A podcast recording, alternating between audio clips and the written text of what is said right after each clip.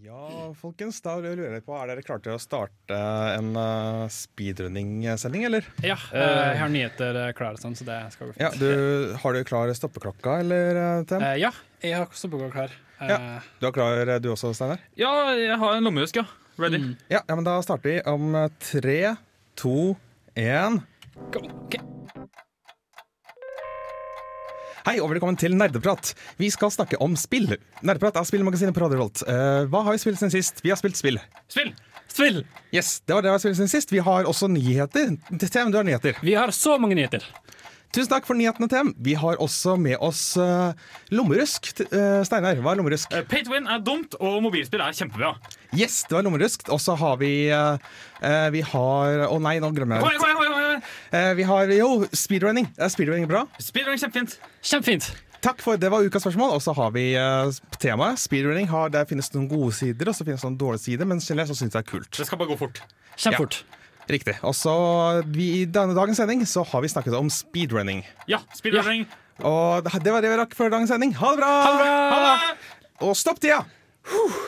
Hvor mye ble det på? Det, det var 52 sekunder og 20 hundredeler. Damn! Jeg er med. Wow. Er det en ny rekord i nerdeprat? Nei, det, det er dessverre ikke det. Ja, jeg tror jeg brukte litt for lang tid i midten. Nei, jeg slurva litt. Ja, det var, det, det var den dettingen ut at vi ikke kom på hva mer vi skulle snakke om. Ja. Mm. Kunne jeg tatt av to sekunder på nyheter, altså. Ja. Ja, men folkens, det gikk litt vel fort for lytterne våre. Skal vi kanskje vurdere å ta en normal walkthrough, bare sånn at vi får med oss innholdet i dagens sending? Ja det, er sånn, det er sånn ulempe med, med å speedrunne at du, du har ikke noe innhold. Nei, Ikke sant? jeg, jeg skulle gjerne fått med meg storyen i sendinga. Det, det hoppa vi litt sånn glanst over akkurat nå. Ja, jeg, jeg, jeg, må innrømme, jeg synes det. Ja. Ja. skal vi Men bare ta hele sendinga, da? Ja, men Kan ikke du bare begynne sendinga, Torben? Ja, vi, da begynner vi normal sending, da. Ja. Ok. The codex receiver directly stimulates the small bones of your ear. No one but you will be able to hear it. But you. Stay a while and listen. Nerdeprat.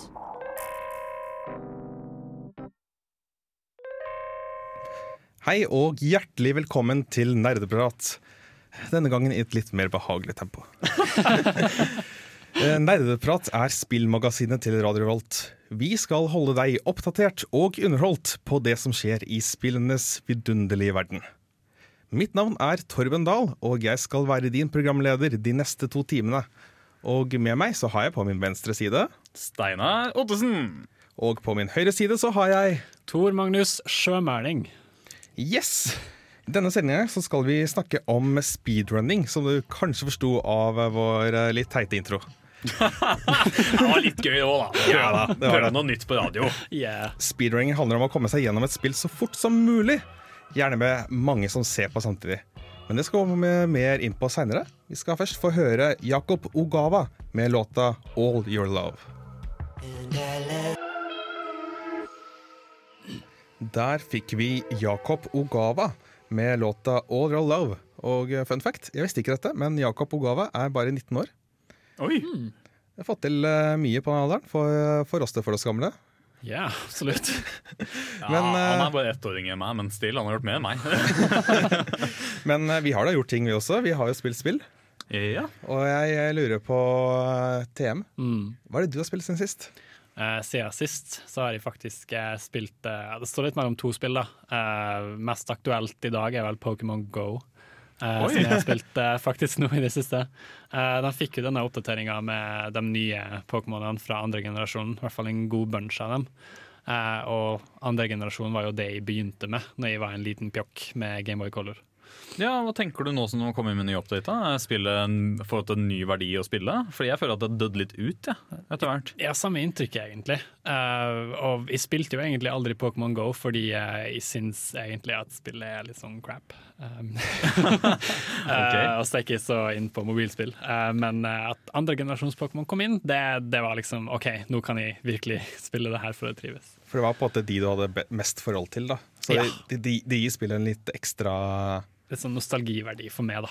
Eh, absolutt. Eh, så det, det trivdes jeg utrolig godt med. Eh, og ja, egentlig bare å gå rundt og fange gamle, gode Centrets og Murkrows og sånne ting. Eh, Spiller du med noen folk, eller spiller du alene? For jeg føler at Det er sånn spill man ofte går på tur sammen med folk og spiller.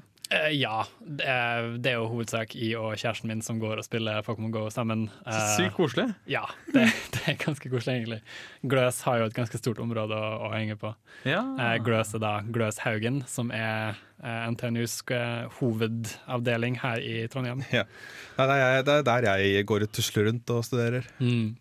Uh, det var en fordel å kunne sitte i uh, forelesningshallen og ha liksom to pokestops. Ja, ikke sant? jeg skal til å spørre, går, det, det går ekstra turer bare for å ta Eh, Ikke så mye. Eh, jeg, jeg går i hovedsak på, på Dragvoll, eh, og der er det jo bare sånn ett pokestopp langt unna, sånn, så det er liksom ikke noe å, gjøre der for meg, egentlig. Uh, men jeg hører jo uh, fra kjæresten min da at det er veldig greit å kunne sitte i forelesning mellom to pokestops. og spesielt under valentinseventen, når det da var en drøss med Jigglypuffs og Clefairies. og Jigglypuff! Så det, det er visst det, det er en stor faktor for at de spiller det igjen nå, da. Um, Har du spilt noe annet også, også eller? Ja, Uh, jeg fikk uh, mora mi til å sende opp uh, Valkyria Chronicles, som er my all time favorite game eh, på PlayStation 3, som kom ut i 2008.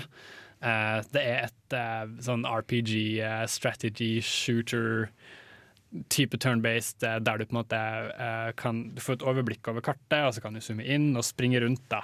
Og, og på en måte målet er å å bekjempe fienden, uh, f.eks. innen så og så mange turns, eller med en viss uh, målsetting. Han skal ikke dø, osv.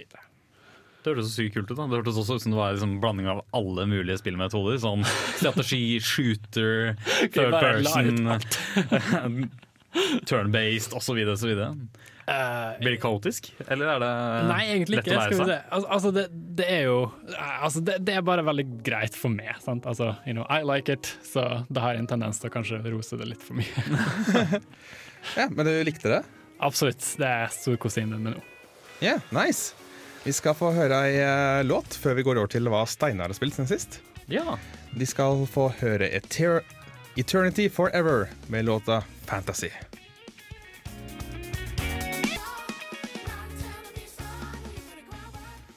Der fikk vi Eternity Forever med låta Fantasy. Ganske kul, hvis du spør meg. Eh, Men eh, vi har eh, spilt spillet siden sist. TM fortalte oss om Valkyria Chronicles og Pokémon Go. Hva har du spilt siden sist, Steinar? Eh, Jeg har bitt meg ut på et lite serverprosjekt sammen med vår eh, tidligere nerdeprater og kontrollt alt-eliter eh, Hanna Gulbrandsen om å Ah. lage en ARK-server som folk kan logge seg på og spille med sammen med mods. Hva er ARK? ARK er et survival-spill der du Lauren bak det er litt usikker, men du havner i hvert fall i en tidsperiode med dinosaurer og jungler og lite teknologi og mennesker. Sånn du, du må liksom finne fram til teknologien selv. Det føles litt sånn alien-planet ut, selv om det kind of ikke er det. Fordi det er masse obelisker med hemmelige law bak seg og monstre som du kan aktivere ved relicer du kan finne. Magiske objekter. Um, så det er et veldig interessant spill, og det er, det, det er et spill jeg føler at du kan bestemme litt selv hvordan du vil spille. Fordi du kan bygge, du kan drive med jakting og survival, du kan drive med PVP, som er spill mot andre spillere, eller overleve mot uh, holdt på å si miljøet rundt deg, eller rett og slett bare temme og farme mest mulig. Kan det være litt sånn à la Minecraft-følelse i det? Ja, veldig. Jeg vil, jeg vil påstå det er i hvert fall den følelsen jeg har. Jeg er jo en Minecraft-gamer um, og har spilt det Gud vet hvor lenge. Vil, ikke, vil helst ikke vite, egentlig. Um, og jeg får litt samme feelingen. Jeg er jo den fyren som liker å farme masse materialer og, og bygge pene byggverk. Mens, jeg, mens Hanna, for eksempel, som jeg spiller sammen med, er mer en PVP-PVE-spiller som vil overleve og oppdage mest mulig. Ja, player versus player og player versus environment? Ja, det det? ja, ja, ja. Jeg, prøvde, jeg prøvde å lage norske ord på det i stad, men uh, player versus environment syns jeg var tungvint. Mm, det er jo en blandingsversjon der du har PVPVE, som er basically PVE. Ja, ja, det er det det er. Eller da. PVP i et PVE-environment. Det her blir vanskelig. Ja, det, er, Anyway. det er i hvert fall den definisjonen du sa nå, er det som er riktig i forhold til Ja. spillet. Da. Eh, Men du var inne på det at du eh, setter opp eh, server, Steinar. ja, det er Hanna egentlig som setter opp okay. serveren. Jeg bare er med og prøver å reklamere for den og få folk på den. Den heter Donald Dynasty. Engelsk, engelsk chat og server. Sjekk det ut hvis du er interessert i ARK. Men det er et veldig kult prosjekt i hvert fall, som vi har begynt å jobbe med nå. eh, og prøve å få mest mulig spillere inn i. Stilig. Vi var lei av at folk eh, var assholes eh, som styrer servere, og hadde lyst til å prøve å gjøre egen lille vri på det. Ja, og ikke være uh, assholes.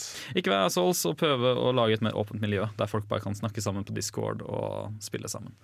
For det var noe du følte mangla fra spillet? Ja, jeg følte at det ble veldig upersonlig. Det var liksom Du kjente vennene dine, og så kjente du ikke resten på serveren. Mens her så har vi liksom muligheten til å bli kjent med litt alle, og det er gøy.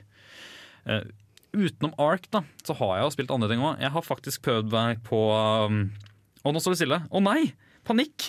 Eh, det er et veldig populært farming-spill. Akkurat ko- eller kom for en stund siden som folk spilte. Stardew Valley? Takk, Torben! Du det er da jeg var med. Ja, jeg har prøvd Stardew Valley. Jeg er alltid han fyren som venter litt med å prøve nye ting. Eh, så nå har jeg testa det. Eh, jeg har ikke helt klart å bli hekta ennå. Ikke drep meg, please. Jeg vet at veldig mange har lyst til å ta livet av meg for det.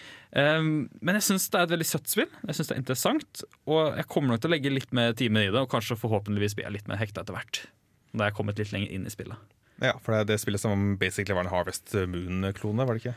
Det vil Jeg tro. Jeg har ikke spilt det spillet heller, men jeg har Nei. hørt rykte om at folk sammenligner det med det. ja Ikke kloner, men at det er veldig inspirert, da. Ja. Kan vi si. Og utenom det så har jeg spilt mobilspill, da så jeg har jo med meg en lommeusk til senere i sendinga. Og det er omtrent det jeg har gjort. Ja, nice. Det er ikke lite, det. Nei, det er en del, men uh, kunne vært mer. Mm. Bæsjeoppgave. Sånn er det. Ja, det, vi har alle opptatt med skole, ikke sant. Det er en sens hardt liv. Hardt liv. Vi skal få nyheter, men før det så skal vi få Woohey med låta I Found Me.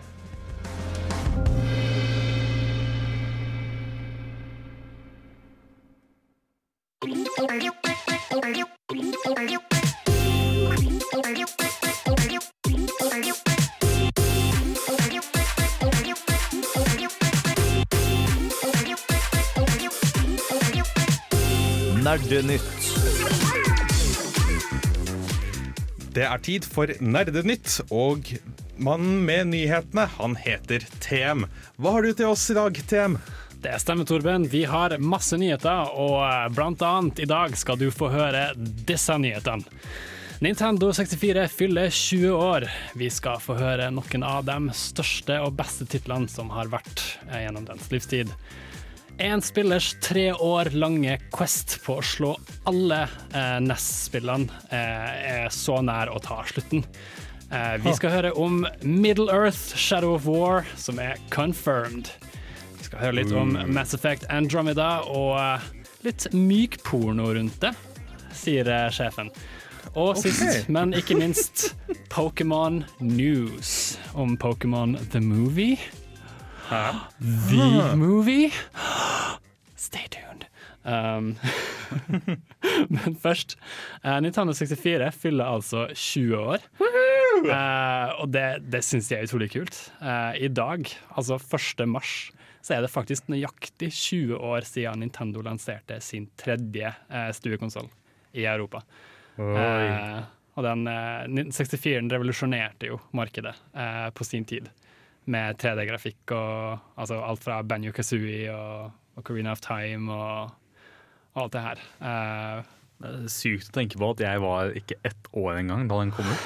Oh. Det er sikkert mange der ute som syns det er sykt å tenke på at uh, det finnes folk som uh, ikke var mer enn ett år da 1964 kom ut. ja det, det var snakk om 18 dager. Men ja. Mm. Ja, det, Wow. det er utrolig stilig, altså. Uh, og det var jo også snakk om i noen artikler så i hvilke spill som da ville, var ansett som å være de beste gjennom tidene. da. Og eh, det spillet som kom på toppen er jo kanskje ingen overraskelse, overraskelse eh, men det ble Ocarina of Time. da. No shit. Uh, no shit.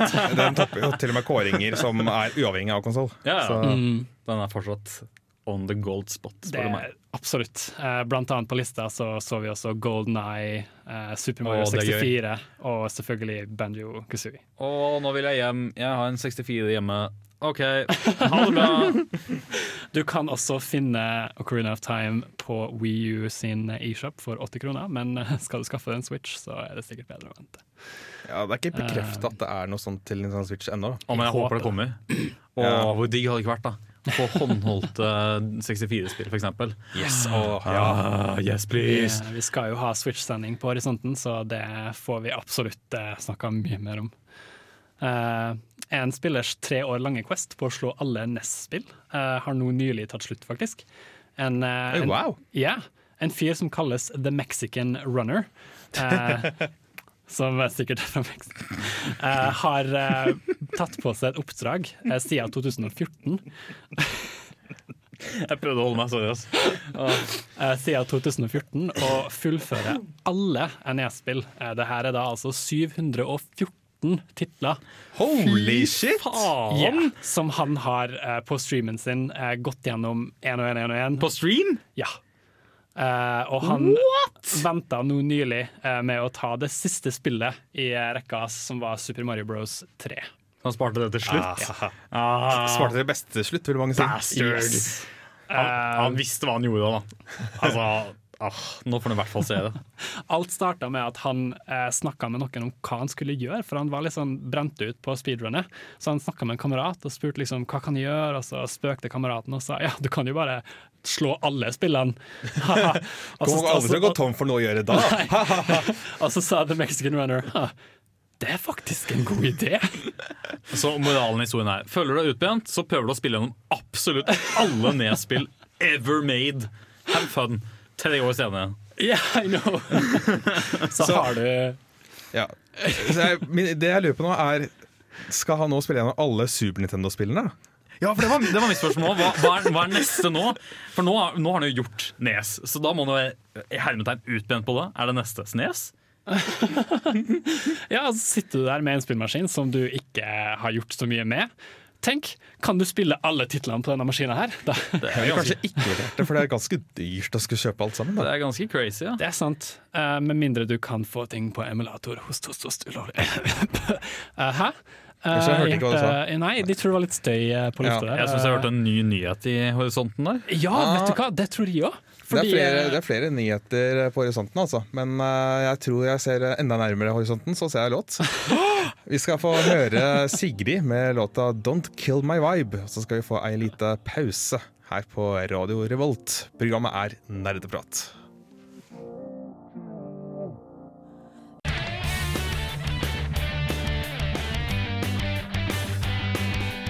This is James Portnow, and you are listening to Narda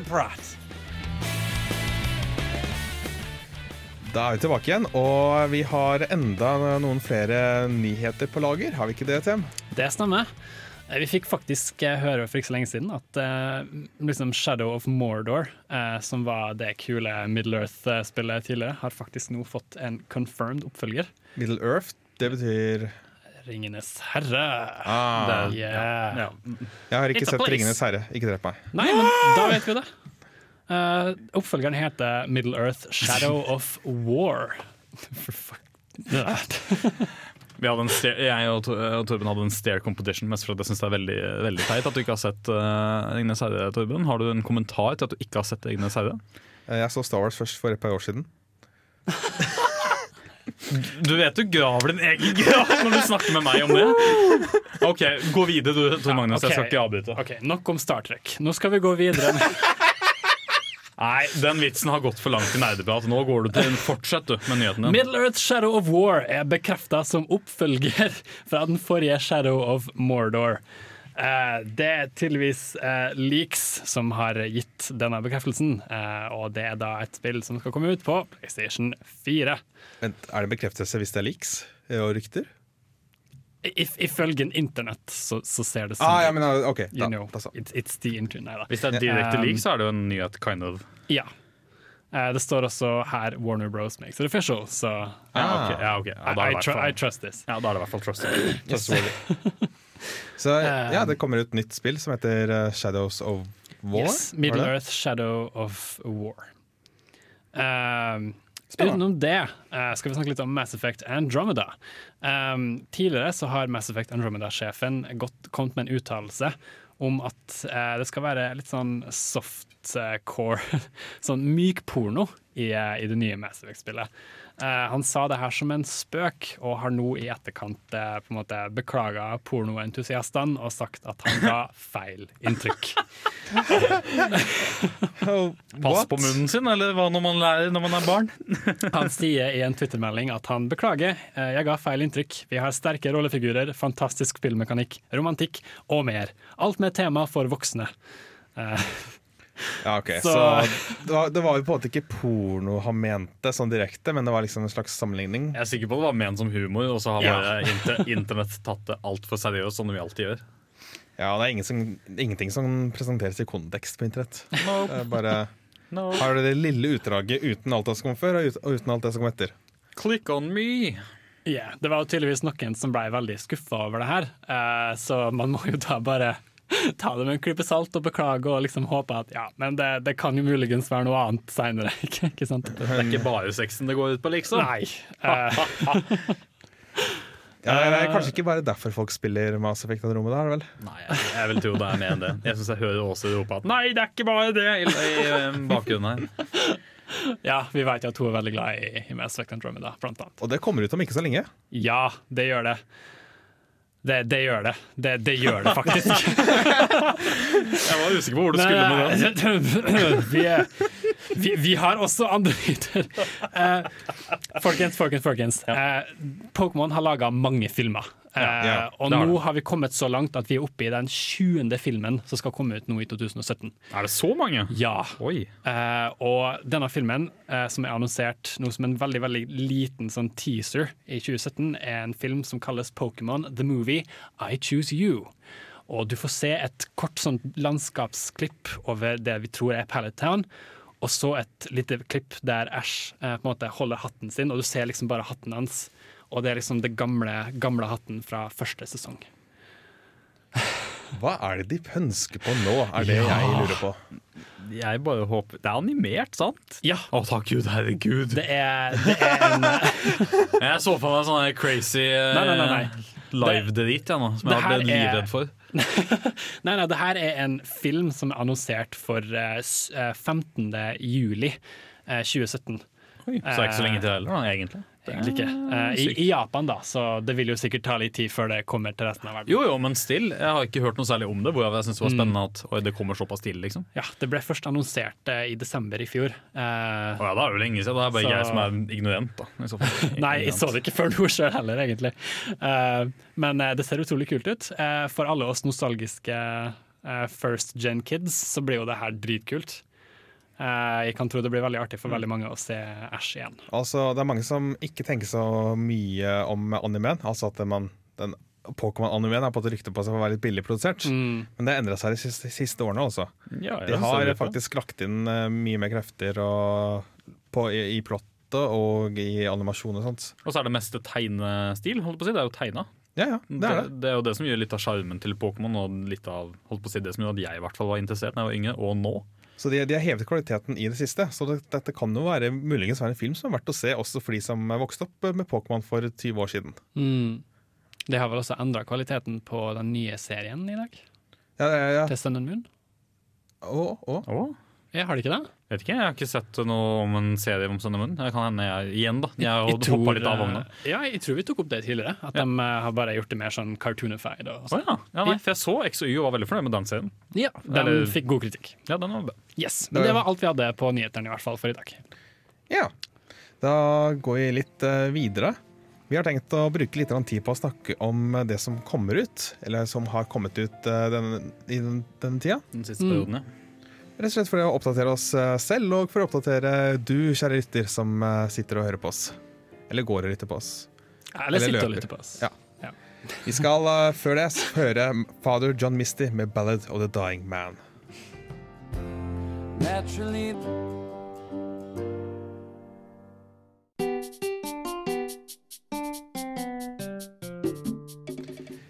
Nå har vi kommet så langt at vi tenker å gå litt gjennom hva som har kommet ut i det siste.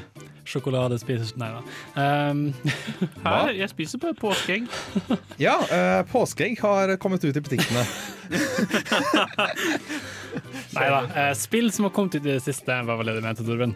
Ja, det var Ja. det. Uh, vi har jo hørt litt snakk om altså, dette her Zero Dawn. Horizon Zero Dawn. Horizon Zero Dawn var det. Eh, og det kom vel ut eh, på I, I dag Ja, kom i, det ut. i dag, ja. Og Jesus. vet du hva? Det er det spillet hvor du spiller en eh, kvinne Mhm. som eh, er i eh, en eh, verden som, eh, hvor på menneskeheten har gått under, på en måte. Men, og som det er eh, robotdinosaurer. Mm. Det er på en måte Stikkordet her er robotdinosaurer. Alle bare! Det, det ser utrolig kult ut, egentlig. Det er jævlig pent. Det er så pent laga. Ah. Jeg har helt siden ah, traileren på E3 Det var den som fanga meg mest på E3, egentlig. Det året. Og jeg har egentlig over lang tid spart opp penger, slik at jeg kan kjøpe en PlayStation 4. Slik at jeg kan kjøpe meg Horizon Zero Dawn. Sykt tøft. Nei, det, Jeg har venta lenge på et PlayStation 4-spill som jeg kan legge til biblioteket mitt, for jeg føler at PlayStation 4 ikke har hatt sånn supergode releases i det siste. Utenom et par unntak. jeg um, dette gleder jeg meg til veldig å få tak i. Ja, det må kanskje nevnes. Horizon Zero Dawn kommer kun ut på PlayStation 4. Jep. Men eh, dessverre, Nintendo Switch ble annonsert, og min lojalitet ligger fortsatt hos Nintendo, så jeg har ikke kjøpt meg en PlayStation 4.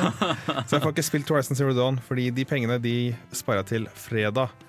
Fordi på fredag så kommer Nintendo Switch ut, Så og gøy! med det så kommer en rekke spill ut også. Jeg misunner alle som har forhåndsbestilt. Jeg har dessverre ikke råd fordi jeg er en fattig student, men fy fader, du er en lucky bastard. Nei, men Det stemmer, det. Altså, det. Det kommer jo en Switch nå, og 3. mars blir en veldig stor og viktig dato for eh, mange som skaffer seg Switch, fordi Breath of the Wild vil jo komme ut eh, på releasen. Og vi har Legend jo of Zelda. Nyeste Ja. Legend of Zelda.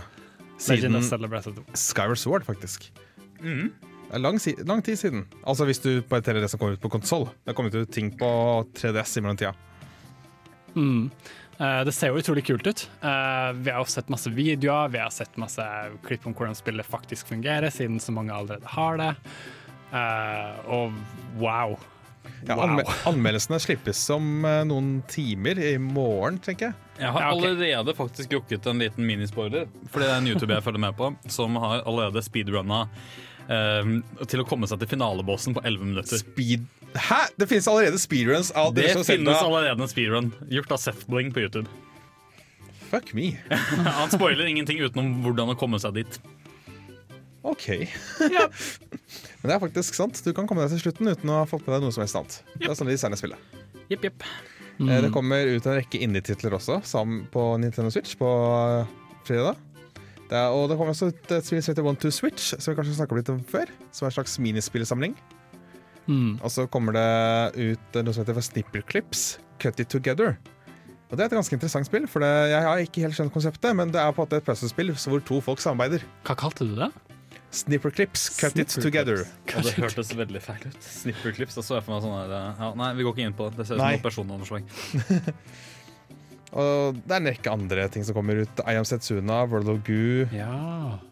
som for øvrig World of, de har eksistert i lang tid, ja. Mm. Little Inferno har også eksistert i lang tid. Det er en del ting som kommer på den plattformen uh, i det mm. den kommer ut i butikkene. Droppes. Pom, pom, pom. Ja, altså Det ser utrolig spennende ut. Sjøl kunne jeg liksom prøvd å tenke prøv, prøvde, Gjerne tenkt meg å prøve Jesus, jeg kan ikke snakke i dag. Jeg tenkte meg å prøve One Two Switch. For det, det ser utrolig gøy ut. Eh, veldig mange av disse nye spillene som kommer ut med, med nye konsoller, sånn, er veldig ofte undervurdert, egentlig. Eh, altså, Så mye jeg har kost meg med Wii Tennis. Det er jo helt ubegripelig. sånn når tida det kommer ut, liksom. Vi eh, går videre, fordi at eh, du har en anbefaling å komme med, Steinar. Ja, jeg skal snakke jo igjen da om mobilspill, siden jeg er liksom forkjemper for det. Yes. Så gled deg til det. Før det så skal vi føre Lumikide med låta 'Explorers and Destroyers'.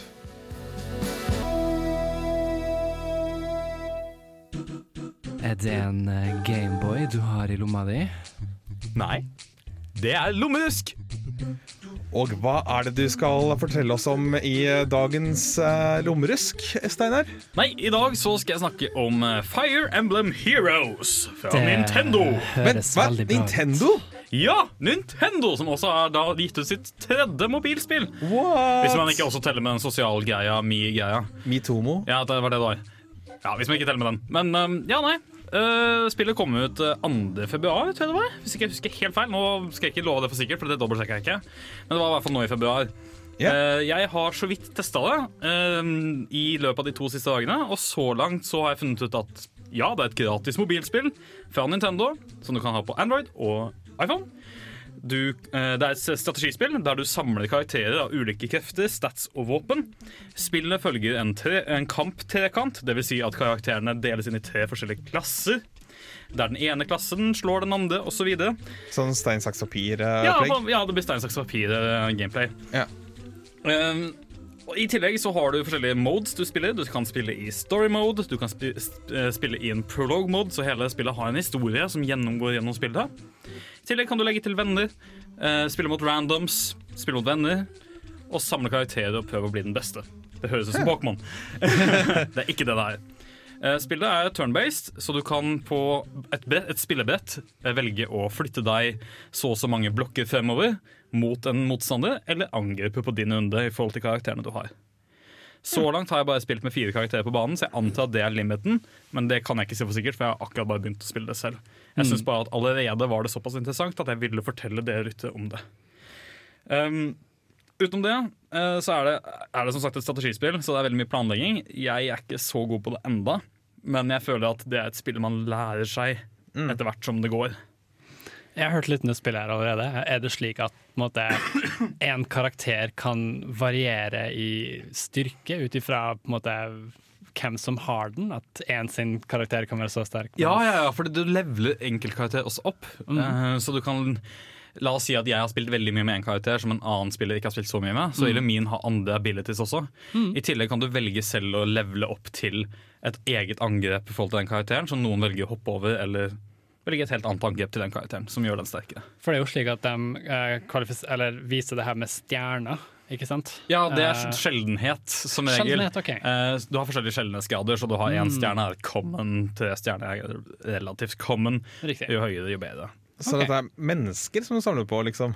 Ja, det er menneskelige helter, kan man si. Karakterhelter som kommer fra forskjellige universer, som du summoner for å beskytte ditt realm, ditt kongerike, ditt verden, ditt land osv. osv. osv. Men du nevnte at det var en historie her. Ja, eh, det, så langt så har jeg bare akkurat holdt på å scratch the surface av, Ja. av historien. Men sånn jeg skjønner det, så er det et, eh, et empire eh, mot et kongerike. Som eh, De deler samme realm, eller samme verden, men de har en gateway til alle andre universer. Eh, de skal i egentlighet samarbeide om å åpne og lukke disse dørene. Men den ene siden har valgt å bare åpne alle dører. Og den andre siden får ikke til å lukke dem, og prøver da å slåss, om, slåss mot dem for å komme til å få lukket disse realmsene. Så de har åpnet universet for alle til å komme og gå som de vil. Så det er, For meg så er det ganske komplisert enda. Jeg, som det høres, så høres det komplisert ut allerede. Men sånn jeg skjønner det, så er det to faktorer mot hverandre uh, i spillet, og de vil forskjellige ting. Én vil åpne verden, en annen vil lukke den og holde den trygg. Det er en ting ved Fire Emblem-serien som er ganske kjent. Og det er eh, det faktum at det er permadeath. Hvis en mm. figur eh, dør, så får de ikke den figuren tilbake igjen. eh, Game over eller noe sånt. Det, det, det, den, den figuren er borte. Vekk. Ja, ok. Jeg har Eh, ikke kommet så langt enda til nei. at det har skjedd, for jeg har faktisk drept en karakter. Eller karakteren har dødd selv. Jeg har ikke tatt livet av ham med vilje. Nei. Eh, fordi jeg er dårlig til å prate lenge strategispill. Ikke skyt meg. Men den personen kommer også tilbake igjen enn så lenge. Okay. Så jeg venter enda på å se akkurat det. Men det er i hvert fall en ting jeg venter på. Eh, vanligvis så har det vært eh, slik du sier, Torben. Eh, jeg husker annet i eh, Awakening så var det et lite unntak der du kunne velge sjøl.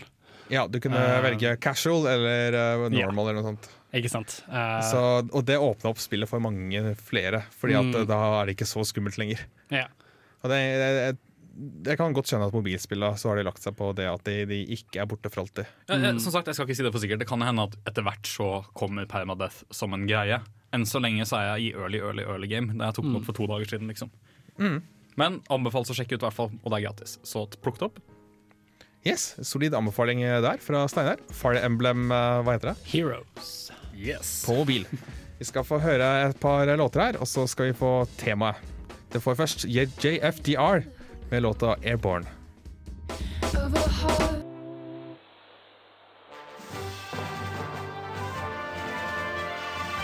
Du hører på Nerdeprat på Radio Revolt.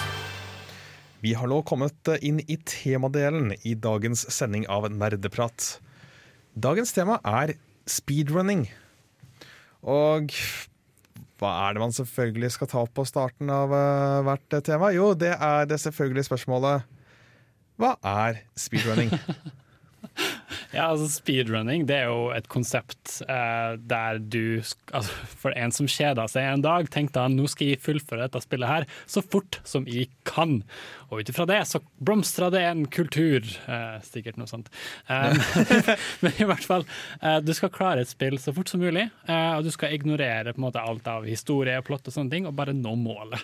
Du skal, og du skal, du skal trykke på akkurat så fort som mulig. I hvert fall komme igjen alle disse folkene som skal snakke med deg. Som selvfølgelig sørger for riktig vel, velge riktig alternativ når uglen i Selda snakker til deg, sånn at du ikke får hele talen hans på nytt. Det har til og med gått så langt at eh, profesjonelle speedrunnere vil velge å bruke versjoner med andre språk, fordi tekster går en brøkdel av et sekund raskere. Jepp. Så det er ikke noen som leser teksten når de speedrunner, for å si det sånn, da. De har jo høyst sannsynlig spilt gjennom spillet en gang tidligere og fått med seg historien. Jeg vil jo anta at ikke folk bare kjøper et spill og bare sånn Nå skal jeg spille det fortest mulig uten å vite noen ting. Yeah. Men eh, ja, speedrunning det er ganske fascinerende, egentlig. Det er en slags sport. Du trener, du spiller om disse spillene gang på gang på gang på gang. Prøver å få med bøkdelene og frames by frame, liksom. Studere spillet. Ja. Og det, det er også såpass ekstremt at hvis de kanskje bommer på et veldig avansert hopp som de skal gjøre én gang Nei. Selv om de kanskje har brukt 40 minutter på å komme så langt ut i spillet, så nei, da, det var det forsøket. Da, reser vi på nytt. da resetter vi spillet, og så starter vi fra scratch. Det er jo på en måte streamere som sitter med det her dag inn og dag ut og bare speedrunner og speedrunner og speedrunner og speedrunner, og de gjør jo ikke annet enn å speedrunne. Nei, for jeg føler det har Eh. blitt et uh, fenomen som er overalt på internett. Jeg syns jeg ser så å si hvert eneste spill som kommer ut, hvordan å spille dette spillet. Kjappe videoer osv. Uh -huh. uh, det er utrolig stilig at liksom folk legger så mye effort inn i det. Uh, og som yeah. du nevnte, Torben, at liksom en liten feil kan på en måte avgjøre alt. Og i et spill som da gjerne kan ta to timer, eller til og med tre timer å fullføre, og da komme to og en halv time ut, og på en måte ta, skal, skal du ta sjansen på å ta dette veldig vanskelige trikset for å spare to minutter, eller skal du gå den lange veien? Ja, nå, nå skal jeg prøve å ta sjansen, og så går det galt. Og så er alt ødelagt. Da må du bare begynne på nytt. Ja, eller eh, hvis dette er eh, for publikum, så vil du som regel prøve å spille ut hele. Ja, da har du jo som regel en eh, backup-plan som du kan eh, falle på. Og du har store sånne communities, på en måte. Sånne nettverk av folk som eh, snakker sammen, og som kanskje finner noen nye triks å bruke og nye veier å gå i spillet for å komme seg til, til slutten. Mm, det er utrolig mange communities rundt det her, og veldig mange på, på store arrangementer som oppfordrer nye spillere til å komme og bli med, så de kan være med og snakke om spillet og, og sånne ting. Det er absolutt veldig mye kultur her rundt det. Ja. Jeg, jeg syns rett og slett bare det er så fascinerende. Og ja, hvilke Har vi sett noe særlig på speedrunning, eh, eller? Jeg har sett masse på speedrunning. Har du sett det? Jeg har ikke sett så veldig mye på speedrunning, men jeg, men jeg har sett en del spill som ofte speedrunnes. Som f.eks. Metroid-spillene er kanskje det mest ikoniske eh, spillet å speedrunne. I hvert fall som yeah. jeg kan kjenne igjen. da. Eh, akkurat nå så ser jeg på The Runaway Guys, som spiller gjennom uh, uh, Metroid 2. Jeg spør Torben, som også er en fan av uh, samme De spiller YouTube spiller gjennom Super Metroid. Super Metroid, ok, ja. My bad. Og vi skal komme tilbake til Super Metroid seinere i sendinga også. Siden dette også er et veldig vanlig speedrunning-spill. Men Mario osv. Veldig mye Zelda-spill som speedrunners, i hvert fall. Yeah. Uh, og vi skal få høre ei låt. Dette er King Gizzard and The Lizard Wizard med låta Sleep Drifter. Og etter det så skal vi få høre litt om hvilken type speedrunning som finnes. Der fikk vi King Gizzard and The Lizard Wizard med låta For et navn! med låta Sleep Drifter. Vi har eh, allerede gått litt inn på hva speedrunning er. Nemlig det at dere skal prøve å komme gjennom spillet så kjapt som mulig. Men eh, det finnes eh, forskjellige variasjoner av, eller kategorier av speedruns, kan vi si. Det gjør det. Slik at det som er verdensrekorden i én kategori, er annerledes fra verdensrekorden i en annen kategori, selv om det er for det samme spillet. Mm. Ja. Hvilke kategorier er det man har av speedruns? Eh, det som man ser mest vanlig av, er det som kalles any percent. Eh, det er på en måte da du bare skal komme til målet så fort som mulig. Enkelt og greit. Og så finnes det jo andre ting, som f.eks. 100% som vil da si at du skal klare alt i spillet. Det vil si alle sidequests, alle events, få tak i alle key items og sånne ting. Eh, Ja. Så for eksempel for veldig lange RPGs som Super Mario and the Seven Stars, eller hva det heter, så vil jo det ta veldig lang tid. Fordi du har eh, det, det å fullføre spillet er ikke 100 For det er så mye annet du kan gjøre på veien til målet. Ja, det er riktig. Så man måler ofte disse kategoriene i eh, hvor stor andel av spillet som du eh, tar og fullfører da, på at det er disse målene som ikke er obligatoriske. Mm. I tillegg til det så har du også eh, kategorier som kalles eh, glitch eller glitchless. Yeah. Eh, fordi for eksempel i sida Pokémon rød så kan du jo gjøre en liten glitch som gjør at du kan få masse rare candies. Det kjenner jo sikkert mange av oss til fra da vi var små. Eh, men det er jo å benytte seg av en glitch. Eh, I veldig mange kategorier som heter glitchless, så betyr det at du ikke har lov til å benytte deg av en glitch. Morsomt at du skulle ta opp akkurat uh, Pokémon Red, siden Ja. det er det jeg tross alt har oppe på PC-en min. helt tilfeldig. Og det, det verste er at det er tilfeldig. Verdensrekorden, glitchless, som vi snakker om nå, Ja. det er av en amerikaner på 1 time, 49 minutter og 41 sekunder i Pokémon Red. Wow. Det er glitchless. Jeg kan jo kanskje bare få skyte inn at uh, hva er en glitch? En glitch er på en måte en liten sånn programvarefeil som utviklerne har uh, med et uhell lagd i spillet. Og så kan man, spillerne kan utnytte denne lille feilen for å eh, få f.eks. hoppe over en sekvens. Ja. Hoppe over en utfordring, eller for å plutselig få masse rare candy, som du sa. Så det, er, eh, det kan ofte involvere å bare hoppe, gjøre et eller annet veldig rart, og så havne på et veldig spesielt sted, eller ja. Ja. Det er den, den type ting, da. assholes online, i hvert fall hvis det er online-spill. Eksempel i det nyeste, eller en av de nye Sonic-spillene på Xbox One, så var det jo en glitch med Knuckles som gjorde at du kunne hoppe og pause, og så hoppe igjen og pause. Og hoppe igjen og bare hoppe opp i evigheten. som gjorde at du kunne komme deg til steder som ikke var ment å komme seg på. Men det ble jo så mye latterliggjøring eh, overalt om denne Knuckles som kunne fly opp til evigheten forbi. Så ja, Har du forresten flere rekorder til oss, eh, Steinar? Eh, Jeg kan ta frem en annen en, eh, hvis du gir meg fire sekunder. Jeg Ja. hadde en Metro, et Metroid-spill oppe i stad. Ja, For det er jo en klassiker når det kommer til speedrunning. Ja, eh, jeg har hatt Metroid Zero Mission. Der er det en danske faktisk som har eh, 100% normal-rekorden. På 38 minutter og 28 sekunder. Scandinavia Pride. Yeah. Og in game time var 26 minutter og 19 sekunder. Så det var impressive. Yeah. Jeg kom på en annen kategori man kan bruke. Fordi vi har nevnt eh, det hvor mye du fullfører av spillet før du eh, får slutten og rulleteksten. Ja. Og så, har, og så nevnte vi hvorvidt du bruker eh, små feil som ligger i, i spillet eller ikke. Ja.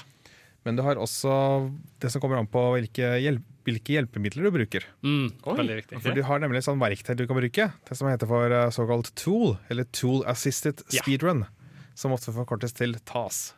Ok, Hva betyr det? Jeg, jeg føler meg noob akkurat nå. Det, er for en sånn, det kan eksempel være at uh, ja, det, det er, hvis, hvis du spiller tool assisted speedrun, Ja. så vises ikke det for en, på en skjerm for publikum. Okay. Fordi det som gjør, skjer da, er at du, du spiller spillet, og så tar, kan du liksom gå en, en bildeoppdatering fram. Og så sier at ja, nå skal vi trykke hold inn A-knappen. Så går det en, kan du oh, ja, sånn, ja. gå gjennom spillet i slow motion eller et eller annet sånt. Frame by frame. Ja, det har jeg faktisk sett at noen har gjort. Ah, altså, Det har et eget navn, det. Og det er eh, når du spiller deg av igjen etterpå, som om det ikke var noe eh, pause eller sånt, da Ja. ser det veldig imponerende ut. Men det er, det er jo ingen som kunne greid å gi, være så presise og trykke så mange knapper. En annen ting jeg også ser nå, nå som jeg ser på Metroid-sida her, da, eh, så ser det ut som det også deles inn i hvilken van Hvis spill har vanskelighetsgrader, så kan du også dele inn det som en kategori. Eh, Han samme dansken som har any percent normal-rekorden, har også verdensrekorden i hard-versjonen fra Metroid Zero Mission. for det vil jo ha masse å si om det er forskjellige vanskelighetsgrader. selvfølgelig. Har du 100% i easy mode, så er jo det ingenting compared to any hard mode. Det syns veldig på tida hans. i hvert fall. Det er snakk om ti minutter forskjell. Ja. Jeg har faktisk sett speedruns av en litt annen type kategori, som kanskje ikke er så mye kategori som det er morsomheter. Eh, For eksempel en hvor de spilte gjennom eh, Super Metroid, to stykker på én kontroller. Ja, det er også Hvor en person styrte A, B, X, Y og ene skulderknappen, og så en annen person satt med andre halvdelen av kontrolleren og styrte styrepakken venstre-høyre og sånn. Oi, shit. Det er utrolig stilig. Jeg har også sett folk som har blindfolded category, der de faktisk er blindfolda med tørklærne. Sånn, Altså og at, skal- at du dekker for øynene og ikke Ja. kan se. Ja. Åh, folkens, bare sånn kjapt. Jeg, vi har sliter, sliter litt med å finne norske speedrunners. Ja. Men visste dere at Ocarina of Time så er det faktisk en norsk person som har verdensrekorden? Hvilken? På any prosent. Any percent. Oh, Ja. wow. En, uh, I hvert fall brukernavnet er Torje. Har 17 minutter og 13 sekunder. Er det faktasjekka? Det er på speedrun.com. Jeg håper det er fakta. Ja, Noe som uh, vi vet er fakta, er uh, neste låt. Den heter uh, 'Smoke On The Water'. Men vent et øyeblikk, det er en annen låt som heter 'Smoke On The Water'. Men dette er en helt annen låt. Vi sier at det var tilfeldig at de har samme navn. Det er uansett eh, Mats Vava som står bak denne her, og den har for øvrig ingenting til felles med 'Smoke On The Water' av Deep Purple. Er det den? Ja. Der skal du få 'Smoke On The Water' av Mats Vava. Nerdeprat, nerdeprat, nerdeprat, nerdeprat. Nerdeprat, nerdeprat, nerdeprat, nerdeprat. Eh, Der fikk vi Mats Wawa med det som er 'Smoke eh, On The Water' i en alternativ dimensjon. Da, da, da, da. Oh, ja, unnskyld, det var nei. feil. eh. Før vi fortsetter, så har jeg nå dobbeltsjekka om nettsida jeg i stad var legit. Og ja, den er legit. Det er flere nettsider som bekrefter at den eh, faktisk har verdensrekordene inne.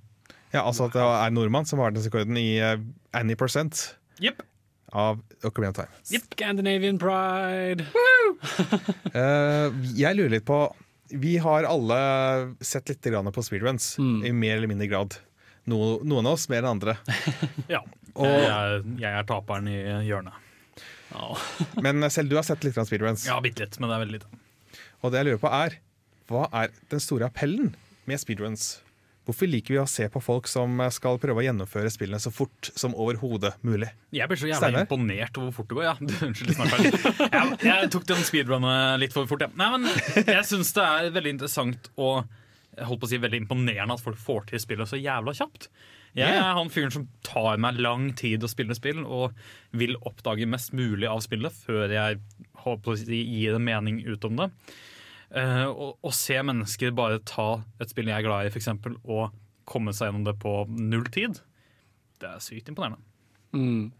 Nei, jeg er veldig enig. Altså, for min del så er det på en måte hva speedrunning har klart å gjort eh, for oss. Vi skal jo snart gå inn på eh, en veldig, veldig kul, eh, et kult arrangement som heter GDQ. Um, og på en måte I begynnelsen ikke sant, så har du jo bare denne fyren som sitter og spiller spill fort, men i dag så har de jo eh, gjort store ting. Eh, og jeg syns det er utrolig kult at det å på en måte eh, bleste spill så mye, da, og få det til å bli noe så stort, som faktisk kan samle mange folk for en god sak, eh, virkelig er liksom det beste det kunne ha blitt, egentlig. Eh, nå ble jeg kanskje veldig dyp her. Men det, det er min mening, da. Jeg tenker også at Når man holdt på å si, tar seg tida til å kunne speedrunne et spill, så viser det også litt hvor, hvor mye du setter pris på spillet. da. For du Ja. sitter jo med det og lærer deg det ut og inn, frame by frame, på hvordan å være kjappest mulig. Så på en måte er det kanskje en annen måte å sette pris på et spill på. Absolutt. Jeg har hørt rykter om at veldig mange speedrunnere faktisk blir Altså, noen blir selvfølgelig veldig lei av det spillet, fordi de har da spilt det dagen Ja, ja. og dagen. Men uh, en speedrunner jeg vet om som heter Almo, som eh, speedrunner uh, The Thousand Year Door, Paper Mario, uh, han har holdt på med det her i flere år nå, men allikevel så kan han til tider sette seg ned og bare ta en casual playthrough, fordi det er et spill som han elsker. Det syns jeg er utrolig, utrolig kult. Jeg må si, jeg, jeg setter virkelig stor pris på, på det håndverket Altså Bare den eh, på det sportslige i det, kan du si. da Hvor, Hvordan de greier å utføre disse sinnssyke triksene som Ja. må til for å greie å fullføre så raskt. Ja, for Det er kanskje nettopp det som er appellen med det. At det er litt sånn sportslig over det. Jeg sitter liksom og heier på spilleren som prøver å komme seg gjennom fortest mulig. Ja. Jeg sitter og girer meg opp fordi at Kom igjen, kom igjen, du må klare det hoppet! Kom igjen, du klarer litt kjappere enn dette her! Du klarer en frame til! Så ja, nei, jeg syns det er veldig interessant. Jeg er helt enig. Skulle ønske jeg hadde sett mer. Ja, Vi skal få eh, to låter her. Først så er det Haunted Mansions med låta Sunshine Crawlers. Etterfulgt av Paul White med Lions Den, her på Radio Revolt.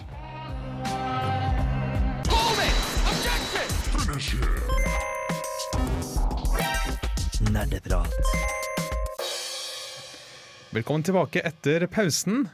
Vi i Nerdeprat snakker om speedrunning og det å komme som er Og faktisk. Speedrunning er det å komme seg gjennom spill så fort som overhodet mulig.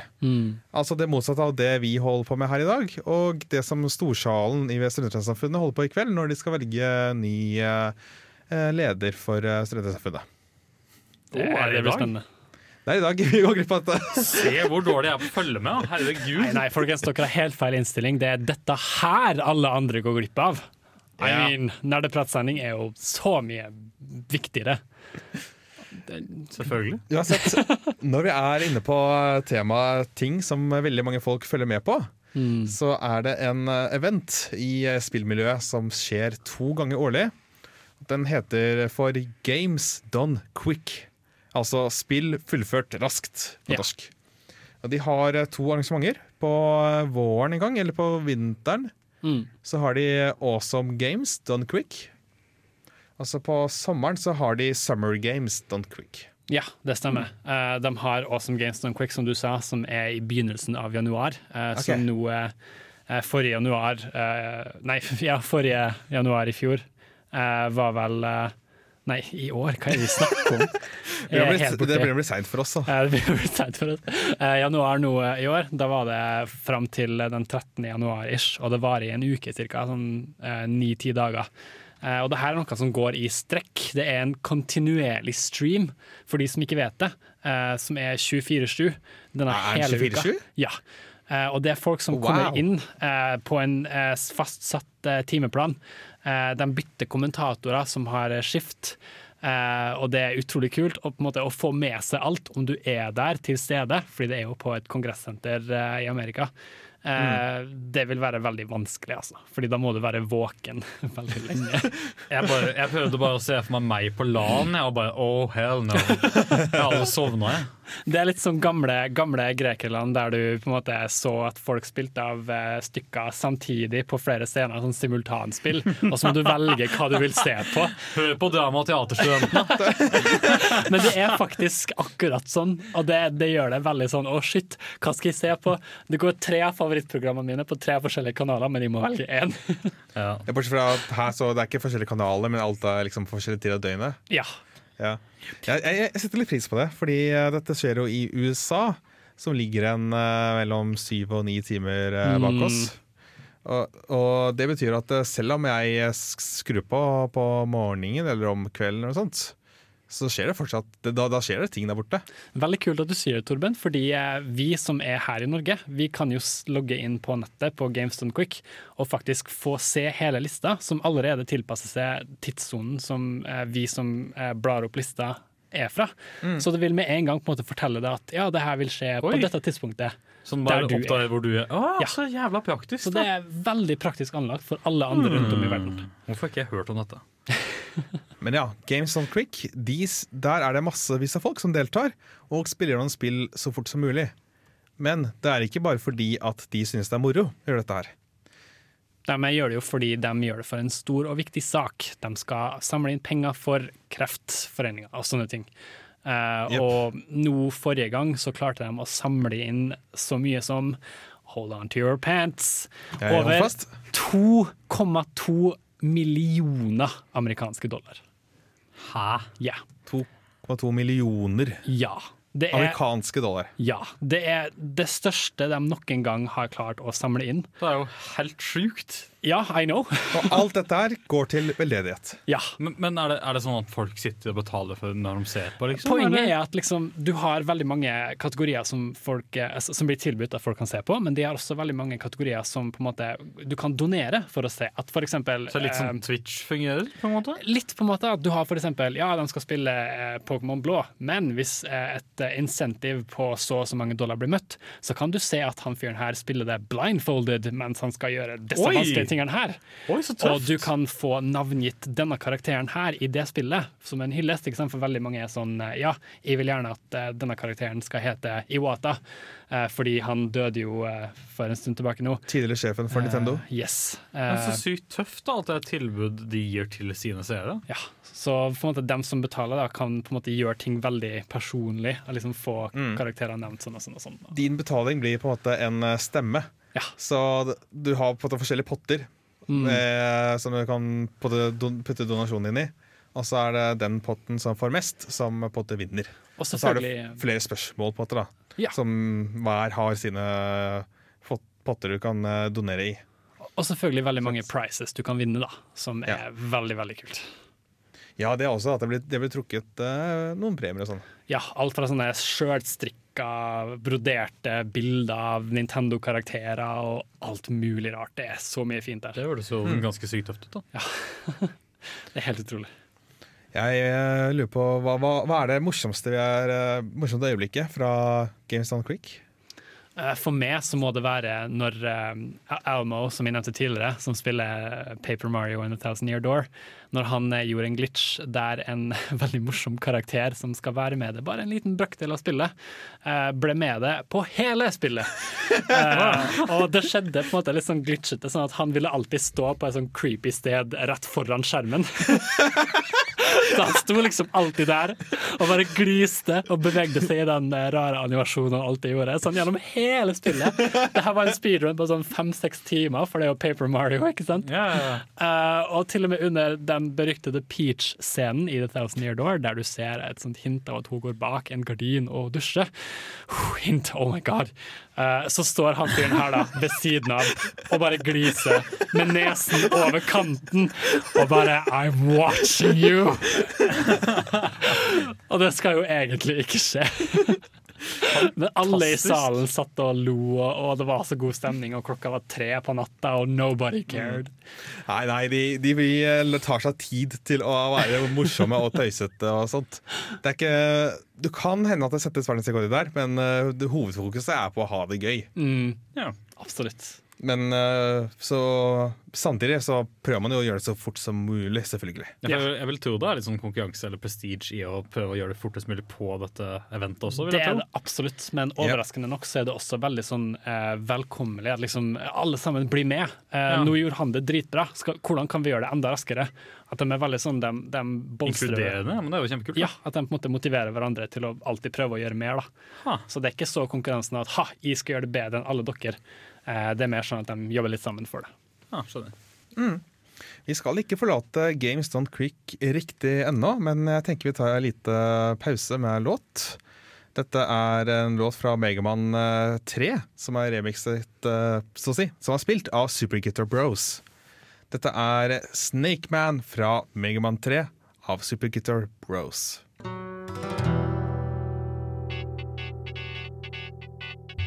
Når innså du at du var en gamer? Dersom du kunne spilt kun et spill i et år, Hva er det eldste spillet i backloggen din? og du var på en øde øye i helvete mens du var 11 år gammel, Hva har du lært fra spill som du har fått nyte av i hverdagen?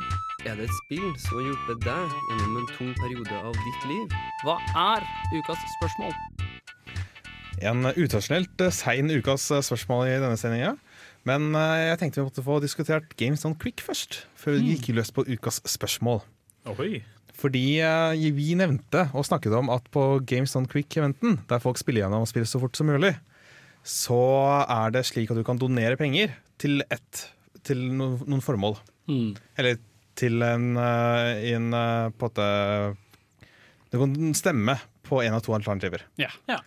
Og det er da en avstemning som pågår gjennom hele eventen, helt til finalen av e- eventen.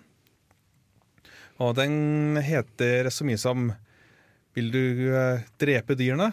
eller vil du redde dyrene? Men, men Torben, hva for slags barbarisk handling er det her for noe? Man skal jo ikke drepe dyr. Og ikke minst, hvilket spill er det vi snakker om? Vi snakker om Super Metroid. Ja, ok. Fordi at i Super Metroid så har du en sekvens på slutten hvor du er nødt til å rushe tilbake til skipet ditt. Mm. Spoilers. Og, eh, men på veien der så kan du ta en eh, omvei for å redde noen dyr på denne planeten som er i ferd med å forsvinne. Men, men dette her er jo ikke effektivt sånn tidsmessig. Å gå tilbake og redde dyra vil jo gjøre at rekorden blir dårligere. Nettopp. Så mitt spørsmål til dere er vil dere redde eller vil dere drepe dyrene i slutten på Super Metroid? I kontekst av speedrunning. Hmm. Hørte dyrene i Hakkebakkeskogen i fuck? Will you kill or save the animals? Ha, hva du tenker Steinar? Jeg, jeg står og vurderer saken. Jeg har jo jeg har akkurat lært om dette dyregreiene. Jeg har alltid Mm. bare løpt forbi når jeg selv har spilt gjennom spillet. Ja. Eh, Jeg visste ikke at det var en detour jeg kunne ta for The animals.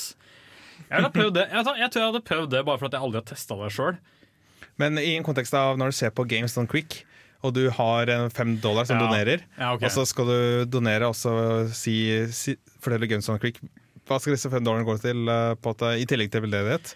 Skal de gå i potten for uh, å drepe dyrene, eller skal de gå i potten for å redde dyrene? Tror- Når de skal speedrunne Super Metroid på slutten. Ja, for jeg, jeg tror fortsatt jeg hadde stemt Hvis jeg skulle stemt, da Hvis jeg heller former det den veien, hva, Ja. hva jeg hadde stemt på, så hadde jeg fortsatt tror jeg, stemt på å redde dyrene mest fordi at jeg hadde likt å sett den lille ekstra utfordringen det gir. Mm. Selv om ja, spilletidrekorden blir annerledes og ikke like heftig som om han hadde døppet det, eller hun hadde døppet det. Men jeg, tror- jeg syns det hadde vært gøy med et ekstra utfordringsmoment. da Ja. Mm. Hva med deg, Ten? Ja, altså Nå må jo jeg ta opposisjonen her, føler jeg. Og jeg vil si at det er viktigere å redde the frames. Don't save the animals, save the frames. Det er et vanlig uttrykk på Games on Quick. Yes. Frames, da vil det, det vil si bildeoppdatering, på en måte. Så det er på en måte Ja. tid, da. Ikke sant? Alltid Redd, redd, redd tida, eller spar tid, Ja. ikke dyr. For i speedrunning så handler det jo om nettopp det, og det å, å bruke så få frames som mulig.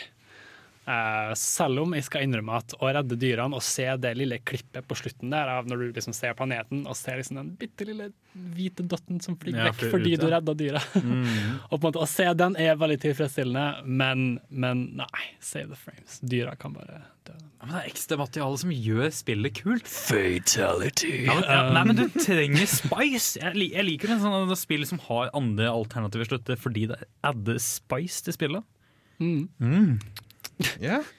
Jeg innrømmer, jeg vet ikke helt hva jeg skal valgt selv. Det er litt derfor jeg stiller det spørsmålet. Jeg må jo, jeg må jo finne på å donere en eller annen gang. Da, altså. Det må jeg. Ja, men jeg, jeg, jeg lar deg ikke slippe unna, Torben. Altså, hadde Nei. du redda dyra, eller hadde du redda tida? Jeg tror nok jeg hadde gått for å redde tida. Ah, okay. Fordi tenk hvis man lå an til å f gjøre en verdensrekord. Mm. Og så stemte jeg på å redde dyra, og så gjør de en omvei for å redde dyra, og så får, kan de ikke ta verdensrekorden likevel. Vel, da vet vi det, folkens. Jeg er den eneste i Nerdeprat som er pro animals. Vi har jo funnet ut allerede i Nerdeprat tidligere av at eh, Nerdeprat er veldig sånn pro 'let's kill all the children'. Hvorfor ikke drepe dyra i samme slengen? Dyr blir noe annet. Men, men det er utrolig hvor stor eh, konkurranse det her skaper i Games Done Quick. Fra Ja. starten av og hele veien ut så, så er det en kontinuerlig dragkamp. Er det det? Jeg Ja, ja, liksom det med at det var veldig tungt på én side eller den andre. nei, nei, nei, Nei, nei. Det, det her er heftige saker. Altså. og det blir en tradisjon på en måte hvert, eh, altså hvert semester da, eller hvert halvår. Ja. Eh, og på en måte se hvem som vinner. da. For det er også en annonsør som sitter hele tiden og leser Ja. opp donasjoner når det er på en måte pause i, eller når det ikke skjer noe særlig å snakke om. Så du får en update hele tiden på hvordan Ja, ja, ja. kampen er? Ja, ja og, det, folk, og de leser opp meldinger som folk har lagt ved donasjonene sine. Hvor er de liksom sier at uh, 'save the animals, kill the frames'. Eller noe sånt. Hvis du har lyst til å høre en kommentar som jeg skrev, som ble lest opp faktisk eh, i fjor, i 2016, så er det bare å se Paper Mario-runnet fra i fjor, 2016. Og sånn på slutten ish, når Mario står foran slottet etter å ha redda Peach, da, da blir min kommentar. Wow. Shameless self-promoting! Men uh, får se om ikke jeg også finner et eller annet å donere for. Mm. Kanskje jeg har ombestemt meg innen uh, jeg ser på Summer Games Don't Quick nå i sommer. Vi skal uansett få Body av Blood Forest Family her på Radio Revolt. Fikk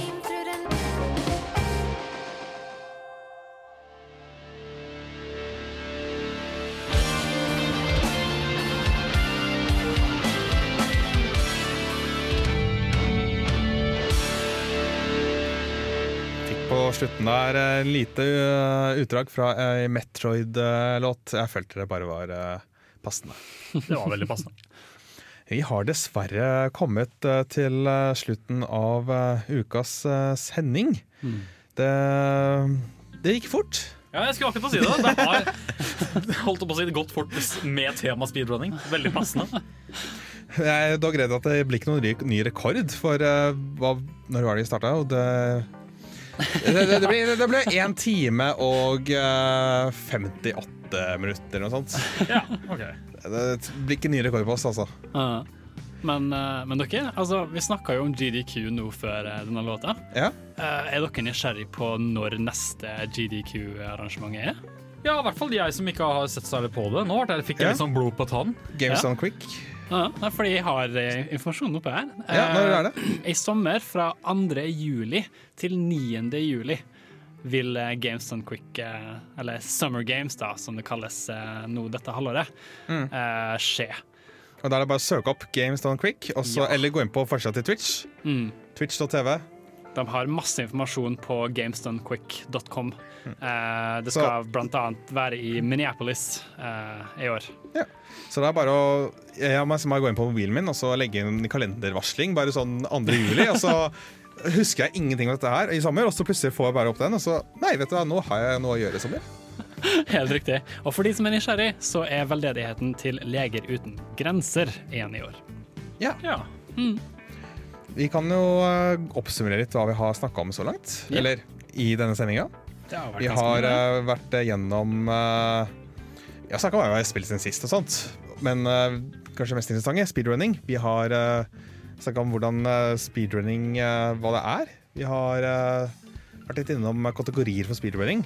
Enten det er hvor mye, du, hvor mye spillet du spiller gjennom, eller hvor mye du du bruker glitcher og sånt. Mm.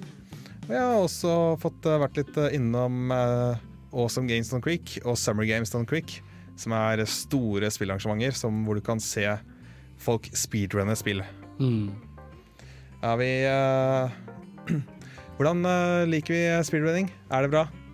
Jeg syns det ble i hvert fall mer interessant nå som jeg vet litt mer om det. Jeg som har vært litt sånn den rookien i sendinga i dag. Yeah. Jeg visste ikke at det var en norsk fyr som holdt rekorden på Pokémon Red. uh, altså i den kategorien. Nei, da. Det var vel ikke Ocarina på, of Time. Det var Ocarina of Time, ja. Oi, unnskyld, Ocarina of Time. Uh, der ser du hvor mye jeg følger med. Amerikaner på Pokémon, og så danske på Metroid uh, Zero et eller annet. Jeg glemte hva spillet het. Zero Ja, Zero noe.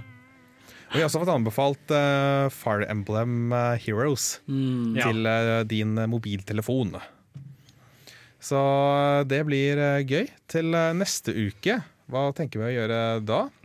Har vi noe å organisere? Det har vi. Eh, neste uke skal vi ta opp et veldig spennende tema, som er feminisme i spill.